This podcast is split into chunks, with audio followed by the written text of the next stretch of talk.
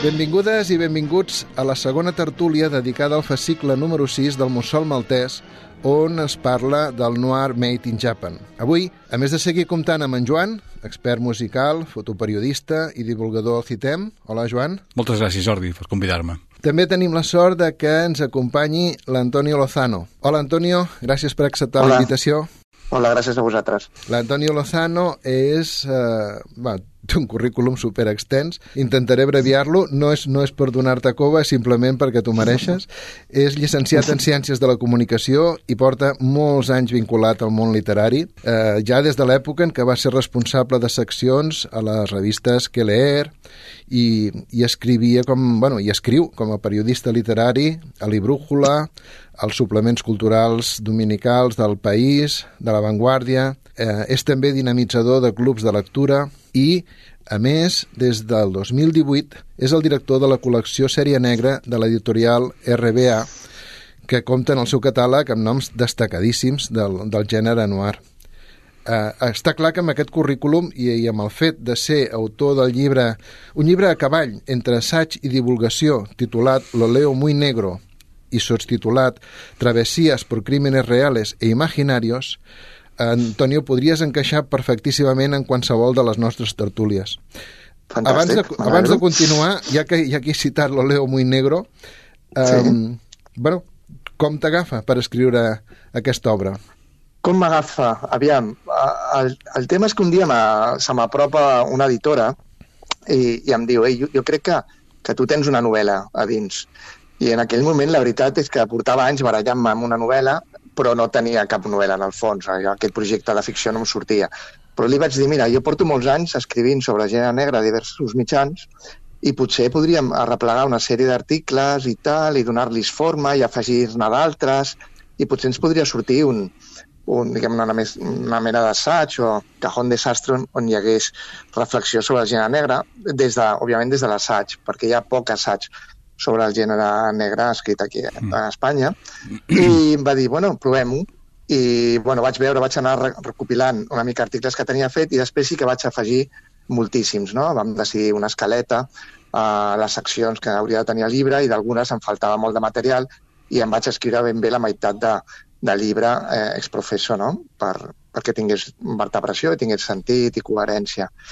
I llavors és, bueno, és un assaig una mica peculiar perquè toca moltes, molts aspectes del gènere, encara que el, que el, tema que el recorre, diguem-ne, de la baix una mica és, és la relació entre realitat i ficció, no? Com la ficció ha, ha, ha anat a, a la realitat, als crims reals, a, a inspirar-se, però també com, a, a, com la, la ficció, les novel·les, no? els relats negres han fet que han canviat també el món criminal i com els, com els criminals d'alguna manera també s'han inspirat en les ficcions per perfeccionar, diguem-ne, les seves tècniques, no? I m'interessava sobretot el diàleg entre la, la veritat no? i la ficció eh, dins del panorama del món del crim, no? Va, eh, això, això que dius de, dels, dels criminals, eh, sí. eh, certament en les, en les sèries potser més en les sèries que en les novel·les, darrerament es diu molt això, no? Diu el, el mal que ha fet el CSI, no? Perquè ara ja no trobem mm. empremtes, o ara ja no trobem restes, o els delinqüents o els assassins van amb compte, no?, a l'hora de, de fer qualsevol cosa, mm. de si, mirar si hi ha una càmera que els pugui filmar, o, o qualsevol d'aquests aspectes. O sigui, que és, és curiós aquest, aquesta retroalimentació entre, cri, criminals mm. ficticis i, i reals, no? Antonio, sí, sí, primer de tot et volia felicitar perquè eh, trobo que l'Oleo Muy Negro és un molt bon títol, la veritat sigui dita. És, és aquelles coses que a vegades el, els, els, els títols senzills són els que més et, et, et, no, et, et criden l'atenció. Dius, ostres, que bo, no? Uh -huh. Dit això, um, a mi eh, el, llegint i fent una ullada al, al llibre, és a dir, és, és, eh, volia fer-te una pregunta, perquè estem en un moment, uh -huh. la, la novel·la negra arriba a les benzineres, la sèrie de crims de TV3 arrasa. Per què ens fascina uh -huh. tant el món del crim? Tu què creus? Uf, això donaria realment per només un assaig intentar respondre a això, no? Eh, per què ens fascina? I, si ens posem una mica, diguem-ne, psicològics, que el, el crim fascina perquè, vulguis o no, tots vivim vides molt, no, molt amb molta normativa, moltes regles. Uh -huh. Llavors, aquell que s'aparta de la norma, que la trasgadeix, diguem-ne, de la forma més extrema possible, ja que seria potser l'assassinat, però també en el robatori i tal, aquella figura que es trenca, diguem-ne, amb la normalitat... Amb els esquemes, sí. Vides, uh -huh. sí, el, l'outsider, diguem-ne, sanguinari, uh -huh. jo crec sí. que ja ens fascina. Per un cantó això, no? Aquell que s'atreveix, diguem-ne, a anar contra els preceptes, no? contra, contra la moral, contra els que ens fa, ens fa humans, etc. Hi ha aquest, aquesta transgressió, diguem-ne, molt, molt llaminera. I a la vegada jo crec que, en una forma encara més profunda de psicologia, jo crec que tothom, al fons, sap que, i es pregunta... Bueno, tothom sap, perdó, que, que al fons tothom portem a un criminal en potència L'únic que passa és que, per sort, per la majoria de nosaltres hem tingut vides, diguem-ne, uh, força normals, diguem-ne, i no, no ens hem vist forçats a, a transgredir la llei, no? Però la lectura de, de ficcions negres, el visionat de pel·lícules, sempre ens fa pensar a nosaltres si estiguéssim en la posició d'aquest personatge, si haguéssim tingut una vida, diguem-ne, uh, molt amb moltes dificultats, haguéssim estat víctimes d'abusos a, a la infància, haguéssim, no sé, patit una situació socioeconòmica molt dolenta, o ens trobéssim, eh, dic, aportats a l'extrem, nosaltres com respondríem, no? I d'alguna sí. manera eh, això afegit a que, òbviament, tothom sap que, que té pulsions eh, negres i tèrboles a dins, fa que el gènere negre connecti amb aquesta part, diguem-ne, nostra, que està com sufocada, que està latent, però que saps que en qualsevol moment podria, podria sortir, no? I apela, diguem-ne, als nostres racons eh, més foscos, foscos no? no? és com aquella sí, línia clar. que a vegades la Patricia Highsmith eh, explica també, no? Que, que, que són personatges moltes vegades normals que de sobte gira tot i dius, ostres, què ha passat aquí, no?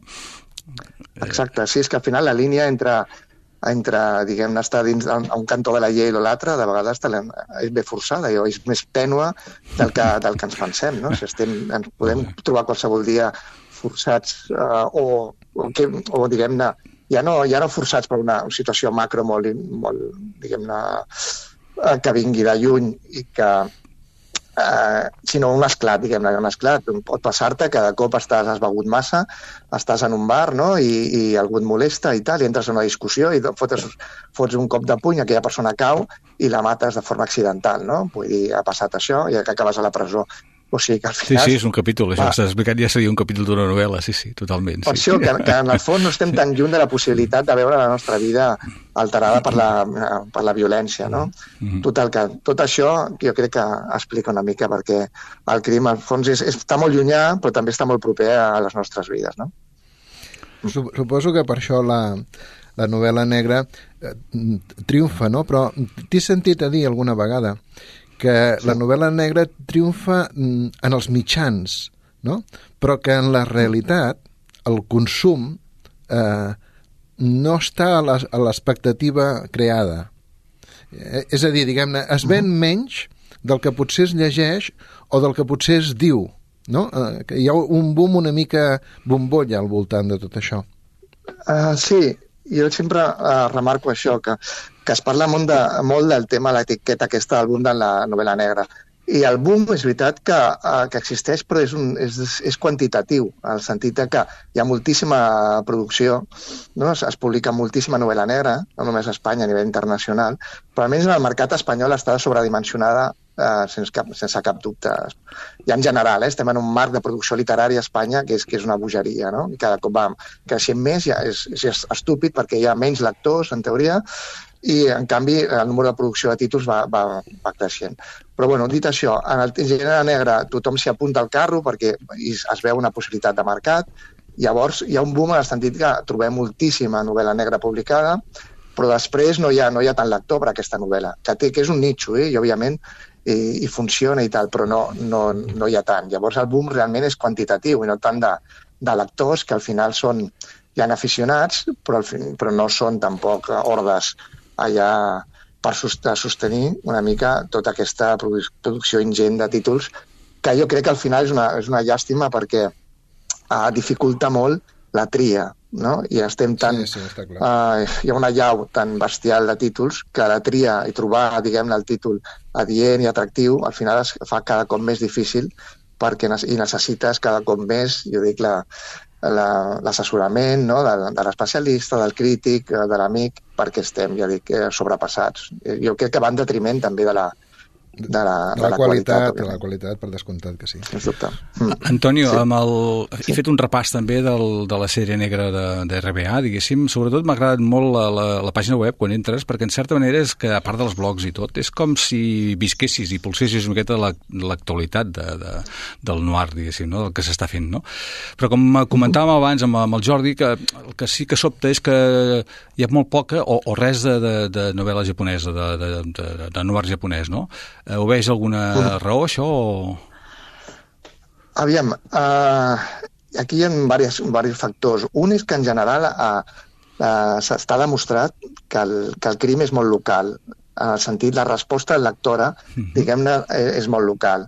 Nosaltres, a Sèrie Negra, ens hem definit per, per publicar molta, molta narrativa estrangera, però hem hagut de fer un pas enrere i tornar a publicar uh, narrativa també en castellà, perquè de veritat és que la, la major part dels lectors volen, eh, volen autors, novel·listes o, o també true crime. Ens ha passat amb el true crime. Hem publicat true crimes només estrangers uh mhm. -huh. i ens hem trobat que, que les vendes no han, no han respost a les expectatives. Per això que la gent vol producte, uh, producte local i vol no novel·les ambientades en racons de reconeixibles o vol casos reals de crims que bueno, els hi sonin. No? Llavors, ja, ja publicar narrativa estrangera, la veritat és que és una, és, és, un, és una mica problemàtic. I després la japonesa, encara que sigui interessant, té un doble problema. Un és que hi ha molts pocs títols, vale, ínfims, que tinguin la potencialitat d'arribar al lector, ja no només espanyol, sinó europeu o occidental, vale? perquè funcionen uns codis socials i culturals molt aliens als nostres. Llavors, el que arriba, el poc que arriba, realment té un toc una mica, té l'equilibri entre ser una mica japonès per fascinar-nos, no? i, bueno, sorprendre'ns, uh mhm. -huh. però a la vegada també una mica occidentalitzat per reconèixer-nos. Llavors, la porció de, de, de, de títols que encaixin dins d'aquesta etiqueta, la veritat que és, és baixíssima. D'acord? Uh, les editorials japoneses tampoc tenen massa interès en, en difondre el seu catàleg perquè són conscients d'aquestes limitacions. Llavors, hi arriben, arriben poques, poques ofertes. I després que, i això molt important, que els costos de producció són altíssims. Ostres. Perquè has de, has de pagar un traductor, una traductora uh -huh. al japonès, eh, amb unes tarifes que no són les de llengües com l'anglès o el francès o altres, no? Uh -huh. Llavors és una barreja de...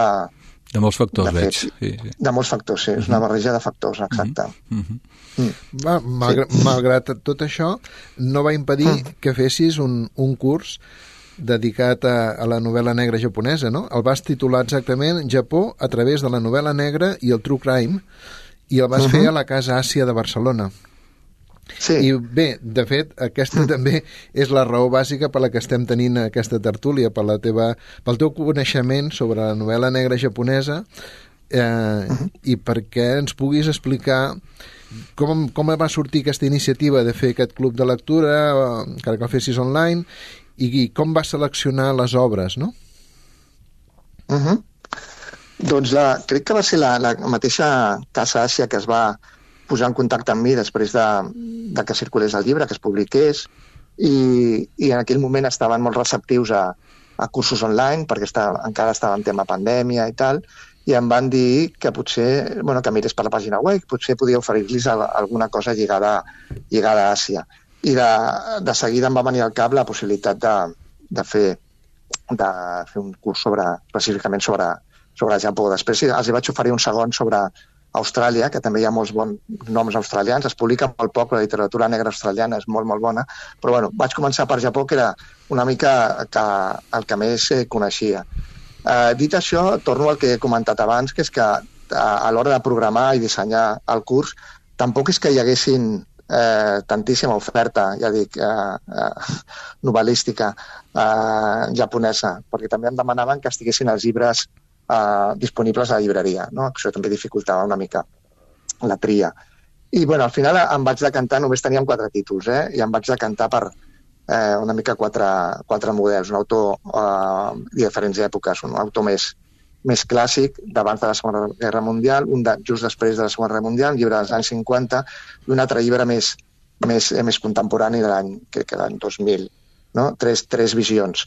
I això els vaig oferir uh, un true crime uh, que havia publicat a la sèrie negra, eh, que a mi em va fascinar en el seu moment i que jo crec que és els millors true crimes que s'han fet eh, els darrers, eh, les darreres dècades, que és una meravella, i que, que es diu... Eh, que, perdó, que ara se m'ha anat del cap. Eh, perdó, com es diu? Eh, L'autor és el Richard Lloyd Parry. Sí, el devorador vale? de sombres. Sí, Devoradores de sombres, sí, se m'ha anat del cap. Sí, que sí. venia el, el títol en anglès, que el vaig llegir, que és People Who Eat Darkness, ¿vale? People Who Eat Darkness, del Richard Lloyd Parry, vam, uh, si ha traduït Devoradores de sombres.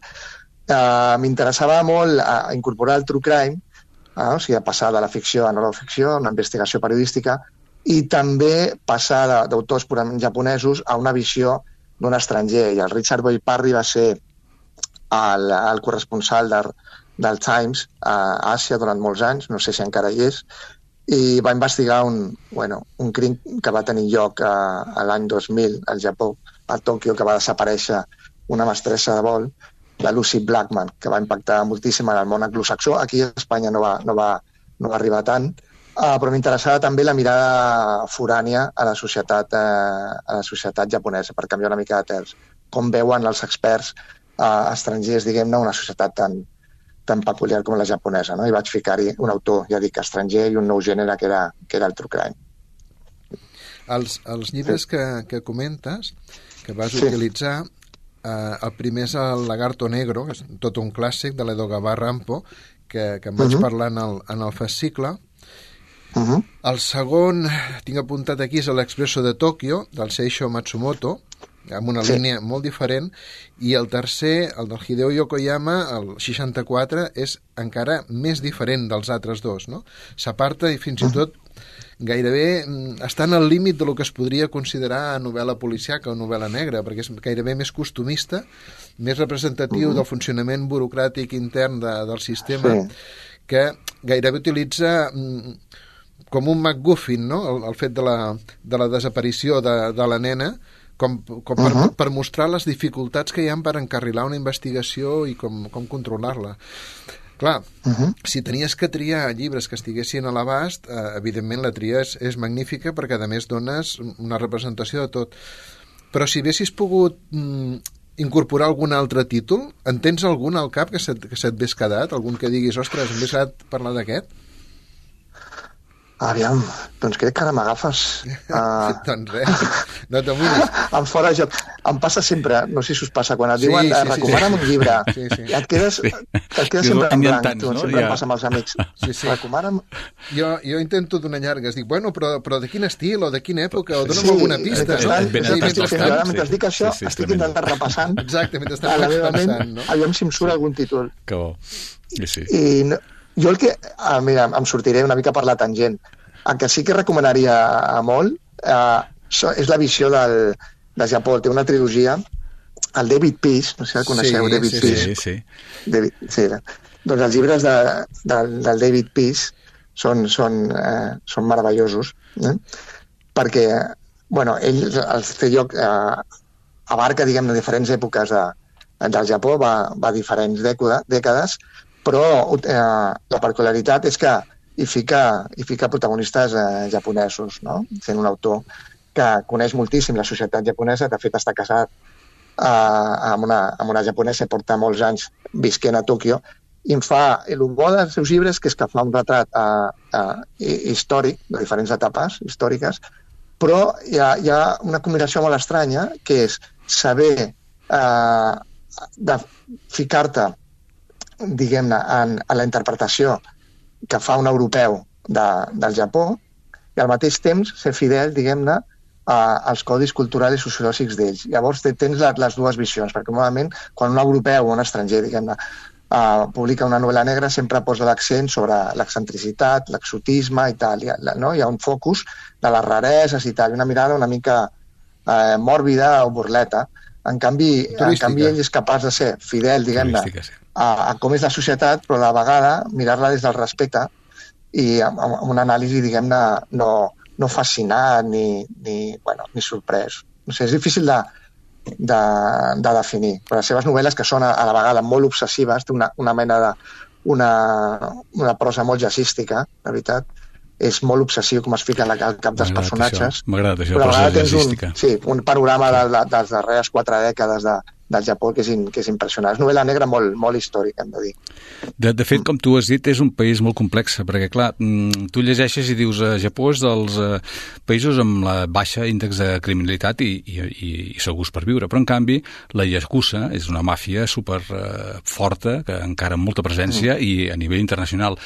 I potser una de les persones que, que més enllà de la novel·la negra que, que ens ha ensenyat més aquest món, el món occidental, és en, jo sóc un gran admirador, eh, en Takeshi Kitano, que és uh -huh. un actor, director de cinema, ell va el vam conèixer per primera vegada fent el Sargento Hara a la pel·lícula aquella que es va estrenar aquí, que es deia Feliz Navidad, Mr. Lawrence, que interpretaven dos eh, músics, el Ryuichi Sakamoto i el David Bowie, que hi havia un enfrontament entre Orient i Occident i una atracció, i a més a més entre allà mig hi havia una atracció com homosexual, que això és un tema molt tabú per Japó. Llavors allà ens vam, conèixer, vam començar a conèixer aquest, aquest món, perquè això era el 83 i passava a un camp de concentració. Llavors, a partir d'aquí, el Takeshi Kitano comença a fer tota una sèrie de pel·lícules noir, de, de, ficat amb la Yakuza. De fet, ell, en una entrevista, explicava que la seva infantesa, després de la Segona Guerra Mundial, ell normalment jugava amb amics seus que eren fills de membres a la Yakuza. Diguéssim que la Yakuza explicava que és una, cosa, una societat que està molt arraigada a dintre de Japó, vull dir que és normal que tu tinguis amics.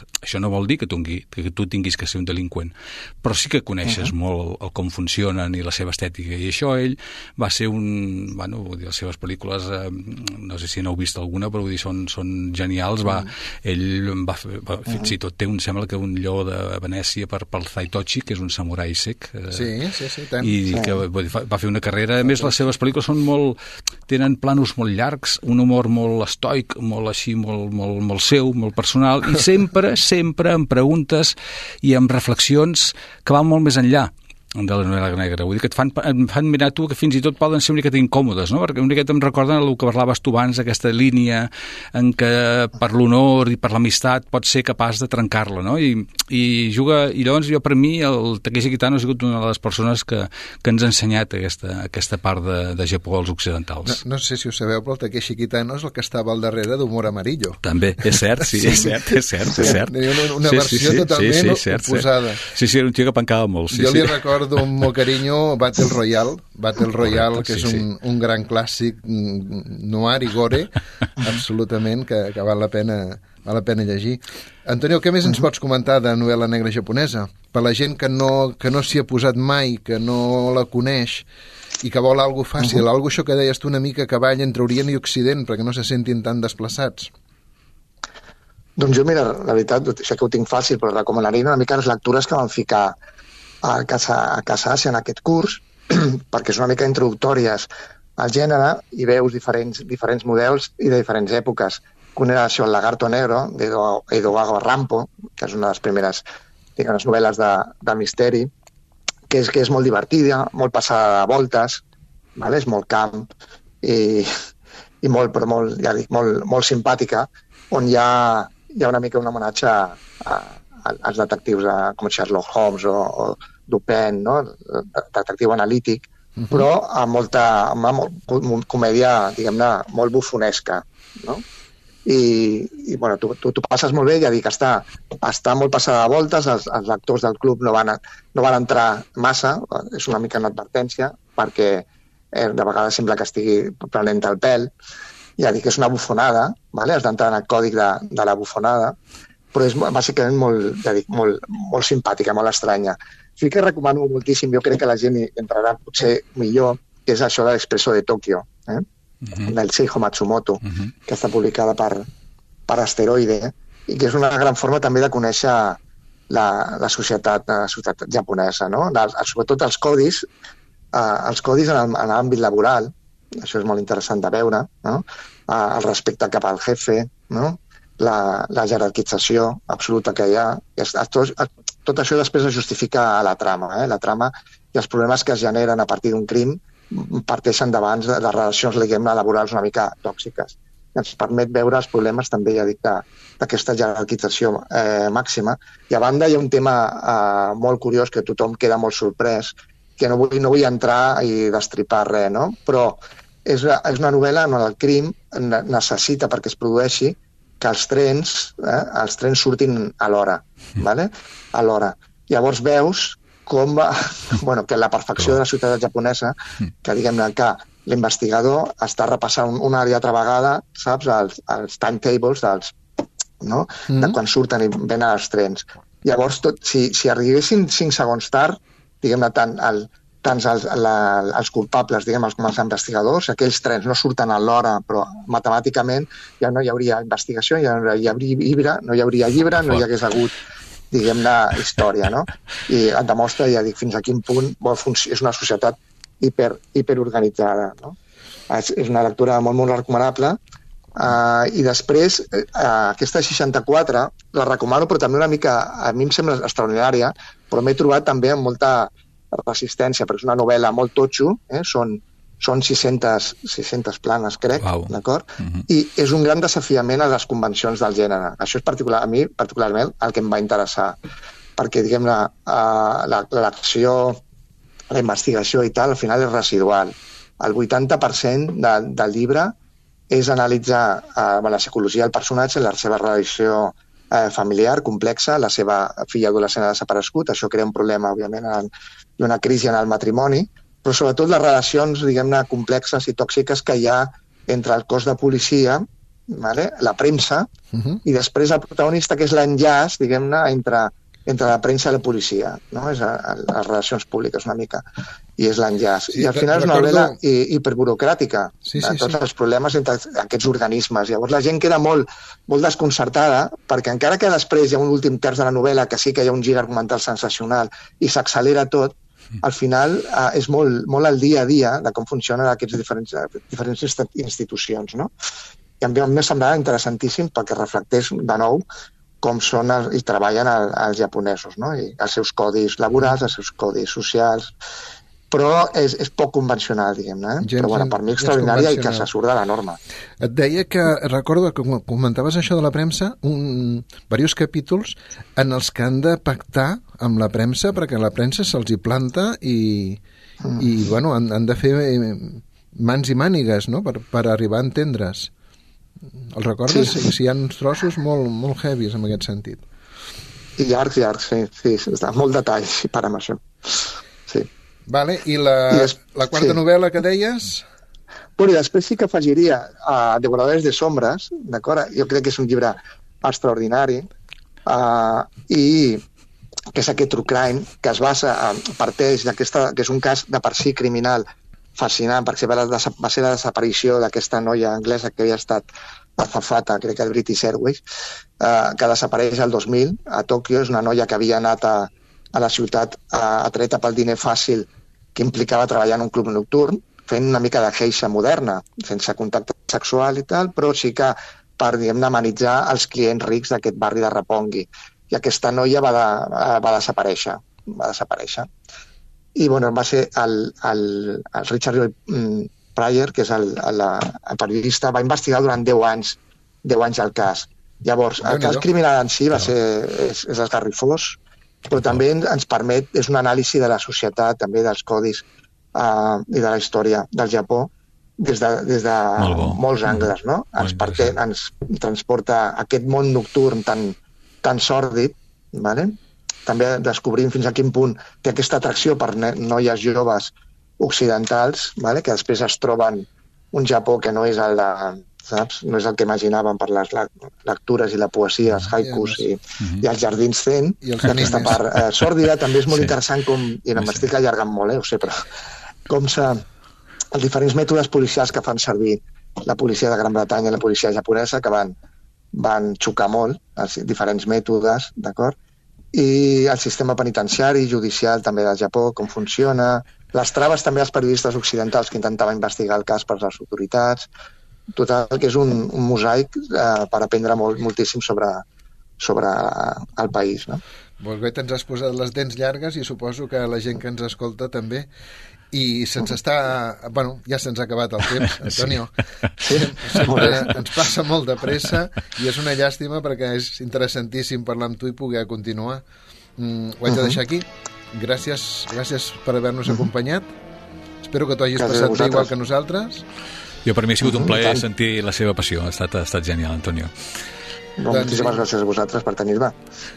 doncs gràcies també a tots els oients que ens esteu escoltant, gràcies a Beatriz Aguilar per acompanyar-nos als controls i ens escoltem properament.